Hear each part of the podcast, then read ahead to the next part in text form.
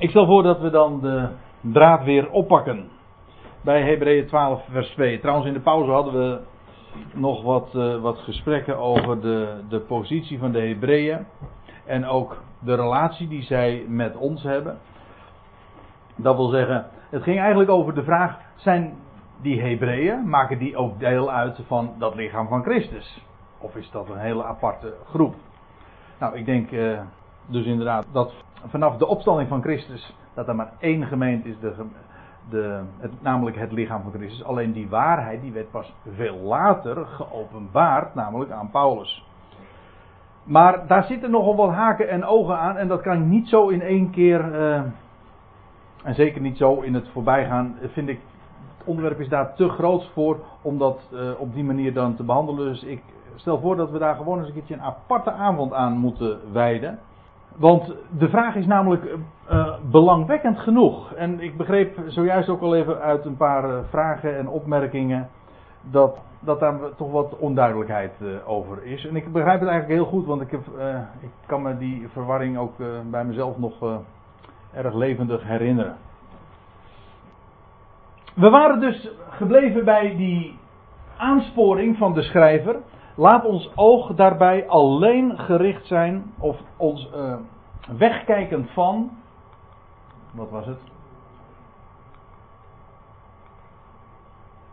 Ja, wegkijkend van alles en dan ziende op dat ene. Dat focussen. Op Jezus staat er ook nog wat anders, maar hij wordt genoemd, ons oog gericht op de leidsman en de voleinder van het geloof. De leidsman, dat is eigenlijk uh, het, het, woord dat hier gebruikt wordt, dat betekent degene die het initiatief neemt. Dus de initiatiefnemer. En ik heb hier de naam Mozes bijgeschreven, want dat is wel opmerkelijk in deze brief. We hebben dat gezien in hoofdstuk 3 en 4. Dat, uh, dat een grote rol speelt, die reis door de woestijn, die 40 jaren en die 40 jaren die ook in de, in de geschiedenis van de Hebreeën zo'n grote rol speelt, van het jaar 30 tot 70. Wel, dat loopt heel erg parallel. Er zijn hele bijzondere vergelijkingen daarin te maken. En dat hebben we in het verleden ook wel eens gezien. Maar wat je daarbij ziet, is dat daar Mozes is. Wat deed hij? Hij ging het volk, het volk van Israël, ging hij voor. Hij leidde hen uit het land Egypte. En bracht hen door de woestijn als inderdaad de initiatiefnemer. Degene die voorop ging en degene die hen uitleidde uit, maar ook doorleidde door de woestijn. Wel, dat is de ene, de ene functie die van hem gegeven wordt. Aan de ene kant er wordt gesproken over de leidsman en aan de andere kant wordt er gesproken over de voleinder. Dus dan krijg je het idee, degene die het initiatief neemt, degene die ermee begon, maar ook degene die ermee eindigt, mee voleindigt. Namelijk van geloof. En dan dringt de naam Jozua zich aan ons op. Degene die dus voorop ging en het initiatief nam om het volk uit te leiden, hen ook 40 jaren in de woestijn geleid heeft, de leidsman, maar ook degene die het voleindigt. Niet alleen maar degene die hen bracht naar het beloofde land, maar ook in het beloofde land. Dus als voleindiger, degene die de functie vervulde die uh, Mozes uh, was begonnen. En dan klinkt dus de naam, de initiatiefnemer, de leidsman en de voleinder van het geloof. En dan staat erachter Jezus.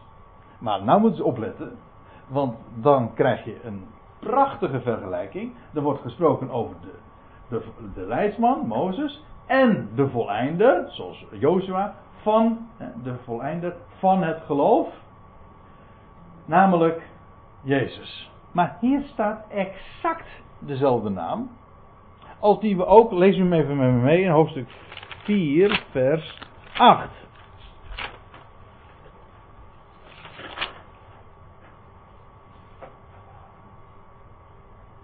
Dan staat er, want indien Joshua hen in de rust gebracht had, zou hij niet meer over een andere latere dag gesproken hebben. En dan wordt het vertaald met Joshua. Maar ik heb u toen ook verteld, en nu is dat helemaal ter zake, dat de naam Joshua in het Grieks exact hetzelfde is als de naam Jezus. Als ze dus consequent waren geweest, dan hadden ze hier in hoofdstuk 4, vers 8 dus ook gewoon Jezus weergegeven. Of, zo u wilt, dan had je hier Joshua moeten invullen. Dat kan namelijk net zo goed. Wat ik ermee wil zeggen is, in het Griekse Nieuwe Testament is er geen verschil tussen de naam Jezus en de naam Jehoshua. Of Joshua. Dus de man die de voleinder van Israëls weg. Mozes was de leidsman, de initiatiefnemer. Jozua was de voleinder. Wel, beide zijn zij typen van Jezus. Ons oog, meer specifiek dat van de Hebreeën, zou gericht zijn uitsluitend, met die wolk van getuigen om hen heen, zou gericht zijn, uitsluitend gefocust op Hij, die niet alleen maar de, als Mozes de leidsman is, maar bovendien ook degene is die het af zal maken, volleindig. Het, die naam die nu dus klinkt, namelijk de naam van Jehoshua, is maar niet zomaar een van de vele geloofsgetuigen. Nee, hij is veel meer. Hij is ook nog eens de leidsman, degene die ons voorgaat. En degene die het ook completeert. Af, uh, ja, de perfect, de, de volmaakt, eh, degene die tot volmaaktheid brengt de voleindiger van geloof. Een schitterende vergelijking. Ook hier weer, die, uh, die zich hier dus uh, misschien wat in het, zo onder de oppervlakte, maar zich zo aan ons aandient. Mozes en Jozua. Als type van Jezus. Wel, ons oog zou daarop gericht zijn. Waarom? Waarom zou ons oog alleen op hem gericht zijn? Wel, dat wordt hier dan ook uh, gezegd. Wel, hij ging namelijk ook de weg van geloof. Hij is daarin het ultieme voorbeeld. Dus nadat in Hebreeën 11 er zoveel namen geklonken hebben. En zoveel geschiedenissen al zijn opgevoerd. Om het punt te maken van dat is wat geloof is. Nu klinkt als laatste de naam van Jezus. En uiteindelijk draait het allemaal om hem, per slotverrekening. Hij is ook degene op wie alle beloften uh, betrekking hebben. Maar bovendien, hij is maar niet zomaar een gelovige, een getuige van geloof. Hij is ook nog eens de leidsman en de voleinder van geloof. Nou, en hoe ging hij zelf die weg van geloof? Wel, dan staat er die om de vreugde welke voor hem lag. U ziet trouwens om, dat is letterlijk in het Grieks anti. In plaats van. Het is niet eens zo makkelijk hoor, om dat hier dan, dan vervolgens uit te leggen. Of uh, om dat te verstaan. Maar het idee daarbij is, als u het mij vraagt, dat hij zelf de vreugde, in de plaats waar hij was, de weg die hij ging, was hem de vreugde voorgesteld. Hoe dan? Hoe was die vreugde aan Jezus, aan Jehoshua, voorgesteld? Anders dan in de schrift. Jezus zelf leefde uit geloof. Dat wil zeggen, vanuit de schrift. Hij daar met de dingen van zijn vader, van jongs af aan. Als twaalfjarig ventje was hij daar al mee bezig. Dat is het enige wat we uit zijn jeugd ook weten dat hij bezig was met de dingen van zijn vader. Dat wil zeggen met de schriften. En we hebben trouwens in hoofdstuk 10 daar nog een prachtig voorbeeld gezien vanuit de psalmen. Namelijk psalm 40. Dan lees je dus ook een profetische psalm. En dan lees je daar over de Messias dat hij zegt.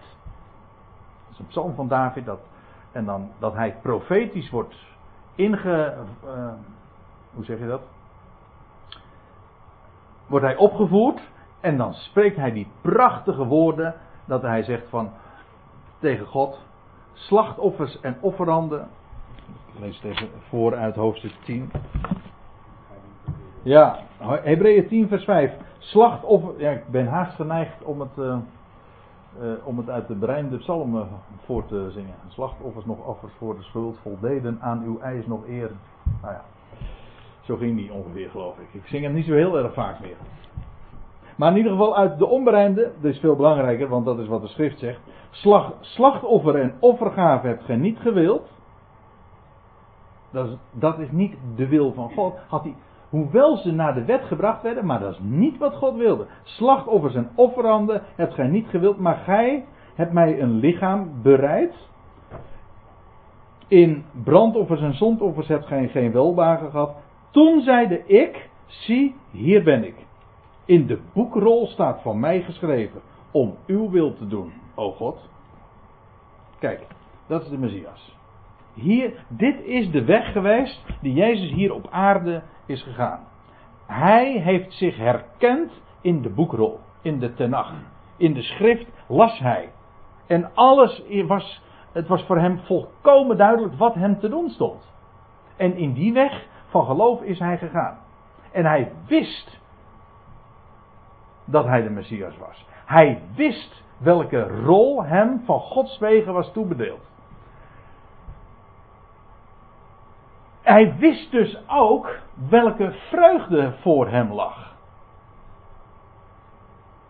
Als, als de Mashiach. Als de, als de koning, priester, etc.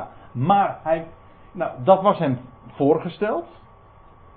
Dat wist hij. Maar, nou moeten ze opletten. Wat, wat er gebeurde. Hij, hij heeft daarop gezien. En vanwege die vreugde, in, in de plaats van die vreugde, ja, dan hier om de vreugde, laat ik eventjes bij, de, bij, de, bij het vertaalwoord hier blijven. Welke voor hem lag, heeft hij het kruis, of gewoon uh, het kruis op zich genomen heeft. Ook hier trouwens weer hetzelfde woord, wat, we, wat een vers hiervoor werd vertaald met volharden.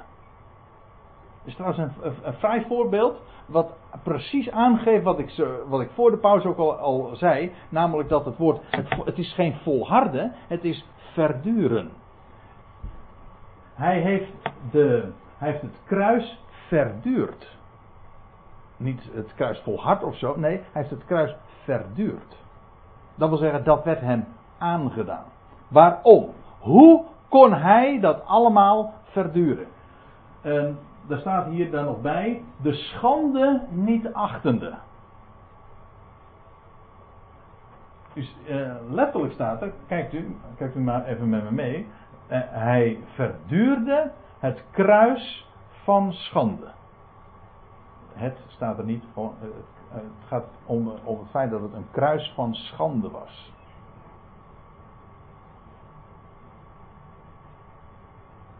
En eh, er staat er, ook, er staat ook niet bij dat hij het kruis veracht heeft.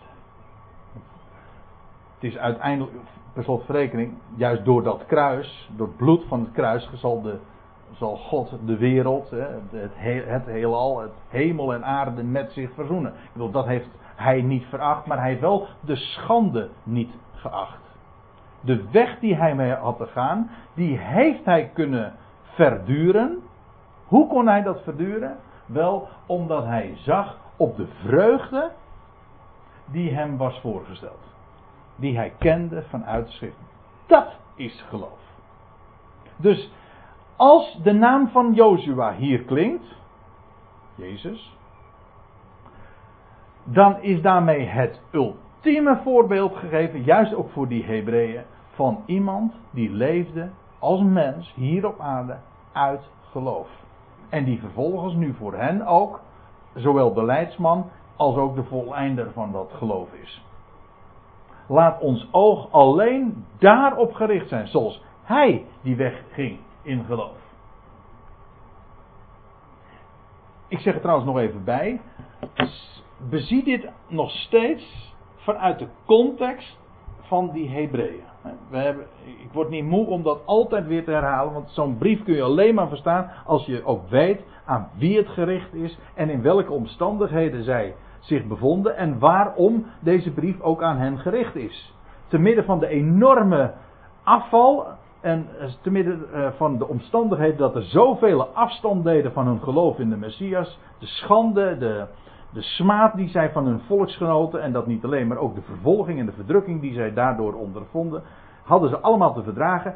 En wel, dat waren de omstandigheden. En nu kwam het erop aan dat zij staande zouden blijven en dat ze hun oog, vandaar ook dat al die geloofshelden opgevoerd worden, en tenslotte als ultiem voorbeeld daarvan dat de naam van Jezus klinkt. Waarom? Omdat hij als geen ander volmaakt de weg van geloof is gegaan. In de boekrol staat voor mij geschreven.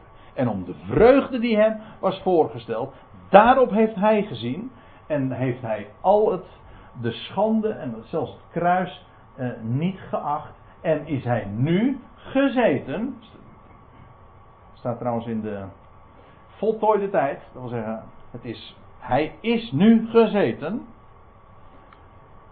ter rechterzijde van de troon Gods. Op de allerhoogste plaats. Nu. Dat was zelfs in de dagen van de Hebreeën, wordt dat zo als feit meegedeeld. 40 jaar daarvoor, een krappe 40 jaar daarvoor, was hij inderdaad gekruisigd. En nu was hij al inmiddels zoveel jaren daarboven. En gezeten ter rechterzijde van de troon Gods. Nou, dat is een van de grote onderwerpen van de Hebreeënbrief, nietwaar? Gezeten daar. De koning-priester in het hemels heiligdom.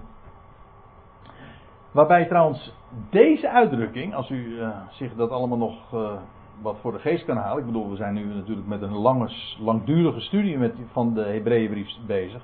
Maar deze uitdrukking en deze mededeling, die hebben we al vier keer eerder gehoord. Laten we, laten we hem even lezen. Ik heb, ik heb er geen diaatje van, maar in hoofdstuk 1, vers 3.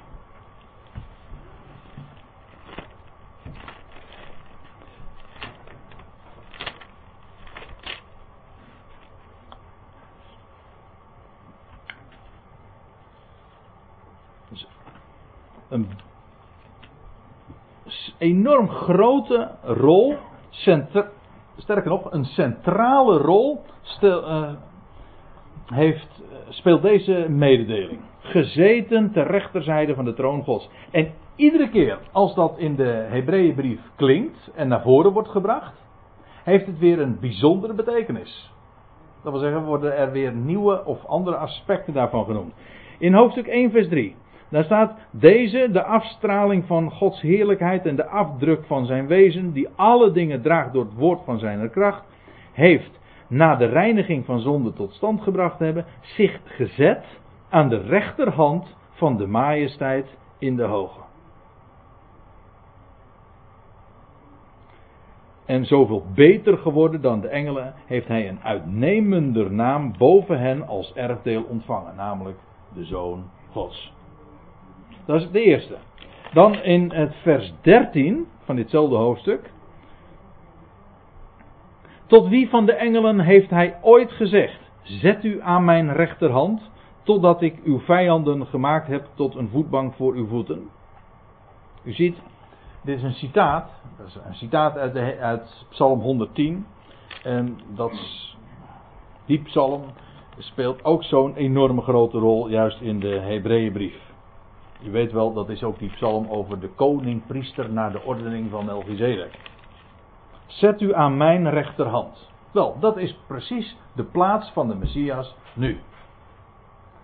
Werk is volbracht. En waar is hij nu dan? Wel, op de allerhoogste plaats. Waar? Hier op aarde? Nee, aan Gods rechterhand. Daarboven. Verborgen voor het oog in het hemelsheiligdom. En als ik het zo zeg, dan dan pak je zo een heel aantal onderwerpen die allemaal zo in de Hebreeënbrief eh, doorklinken. De volgende, hoofdstuk 8, vers 1. Nou, daar, dat is wel heel aardig in dit verband, want dan zie je dus inderdaad dat uh, deze mededeling van gezeten ter rechterzijde, maar niet zomaar een mededeling is, maar echt zelfs de clue is van de hele brief. We, zijn, we zien nu hier. Hoofdstuk 8 vers 1. De hoofdzaak van het gezegde, of in, in de MBG staat, de hoofdzaak van ons onderwerp is dat wij zulk een hoge priester hebben. namelijk een koningpriester, dat wij zulk een hoge priester hebben, die gezeten is ter rechterzijde van de troon der majesteit in de hemelen. Bovendien de dienst verrichtende in het heiligdom. Heb. Dat is de derde keer. En dan staat er zelfs bij dat de schrijver zegt. De hoofdzaak van ons onderwerp. Dat is dus het allerbelangrijkste van wat hij tot dusver naar voren had gebracht. En dan zegt hij samenvattend in hoofdstuk 8, vers 1. Dat is de hoofdzaak van ons onderwerp. Dat wij iemand kennen die momenteel gezeten is aan de rechterzijde van de troon van God. En alles wat daarmee verband houdt. Het is de tegenwoordige positie van Christus. En dan hoofdstuk 10, vers 12, dat is de vierde keer.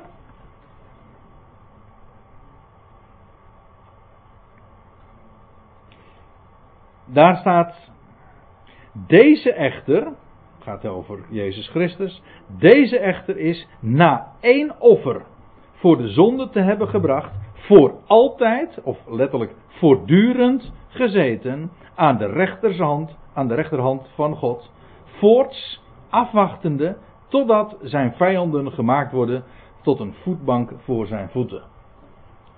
Ook dit is weer een toelichting op Psalm 110, want daar staat inderdaad, hij is daar gezeten aan de rechterhand. Waarom altijd? Nee, niet altijd. Wel bij voortduring, maar dan om, hij wacht.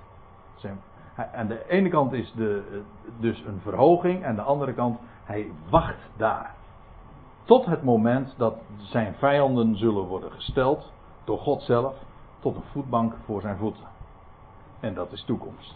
Dus hij wacht. Maar ook hier weer in Hebreeën 10 uh, is het idee van hij is gezeten ter rechterzijde. En waarom gezeten? Wel omdat hij het offer, het eenmalige offer, gebracht heeft. Alle priesters die staan, waarom? Omdat die offers, offeranden voortdurend weer herhaald moesten worden. Hij is gezeten omdat hij het ene offer volmaakt is, afdonde en vandaar dus een positie van rust. Nou, en dan heb je dus uh, vervolgens uh, de laatste en die, die hebben we nu dus onder ogen. Daar is hij nu gezeten, maar hoe is hij daar gekomen? Hoe heeft hij deze plaats, deze toppositie, de allerhoogste plaats en van verhoging, uh, hoe heeft hij die plaats bereikt? Wel door geloof. Doordat hij vanwege de vreugde die hem was voorgesteld, alles heeft verduurd en zelfs het, de schande niet geacht heeft. Vestigt uw aandacht dan op hem, zegt hij. Uh, zegt de schrijver. Vestigt uw aandacht. Hier staat trouwens in het Grieks het woordje analogia, of in ieder geval een woord dat daarvan afgeleid is, analogie. Analogie betekent eigenlijk, uh, als je het heel letterlijk uh, zou willen weergeven, dan is het idee iets overwegen door vergelijking. Analogie, dat is. Als, als iets analoog is, dan is dat, uh, heeft dat te maken met, met een vergelijking. Een analogie, dat is een vergelijking met iets anders. Wel, dat woord wordt hier gebruikt. Vestigt uw aandacht, dat wil zeggen, uh, overweeg door vergelijking dan. Je neemt, je aanschouwt hem en je vergelijkt hem met wat? Wel, in dit geval met, met jullie eigen situatie. En dat wat hij deed in te midden van al die tegenstand en, en uh, afleiding. Vestigt uw aandacht dan op hem, die zulk een tegenspraak van de zondaren tegen zich heeft verdragen. Ook hier weer verdragen, ziet u? niet volharden, maar hij heeft het verduurd, verdragen.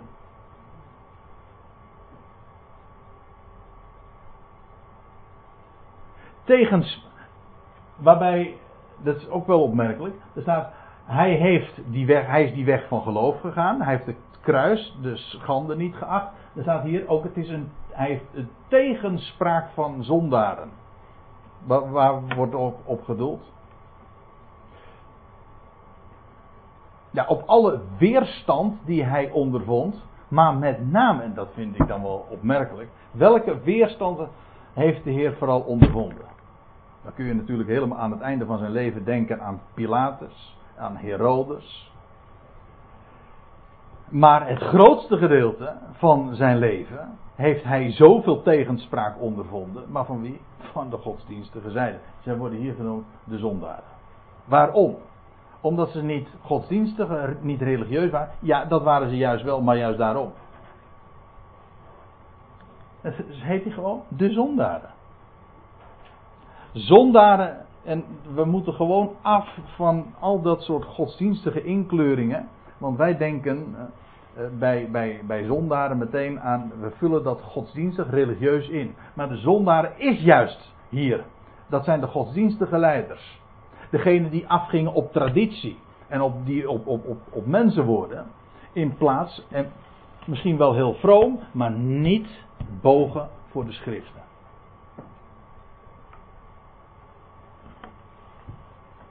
En hij heeft die tegenspraak, hij werd voortdurend weersproken. En, maar wat was, de heer, wat was het antwoord van de Heer altijd? Er staat geschreven. Kent gij dan niet? Gij kent de schriften niet, noch de kracht Gods. En,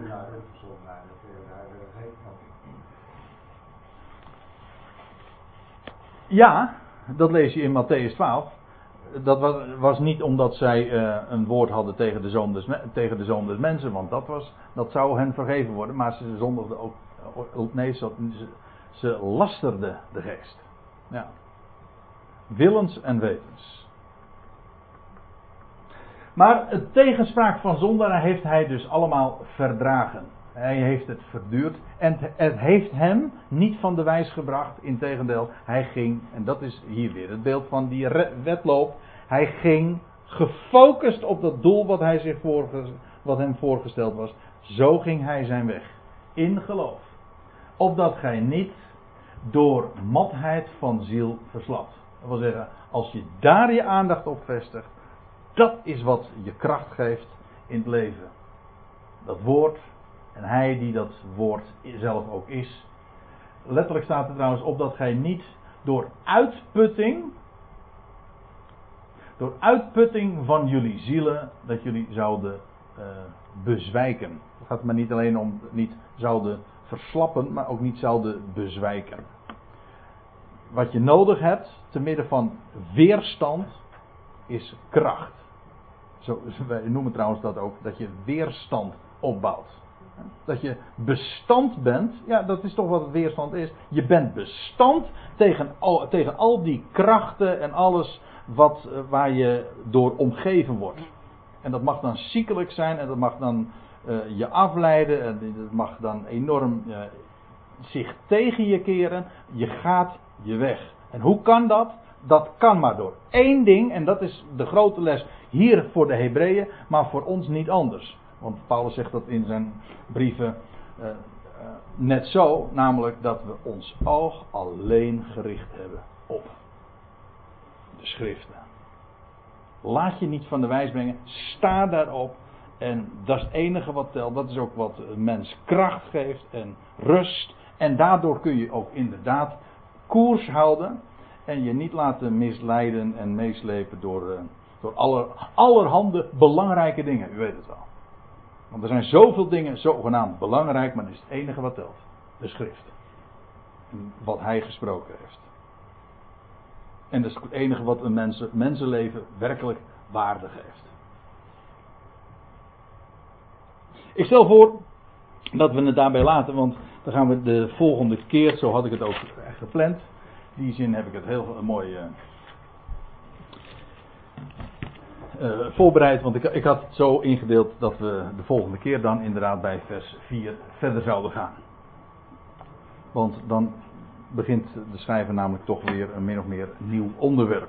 Zullen we het dan hierbij laten?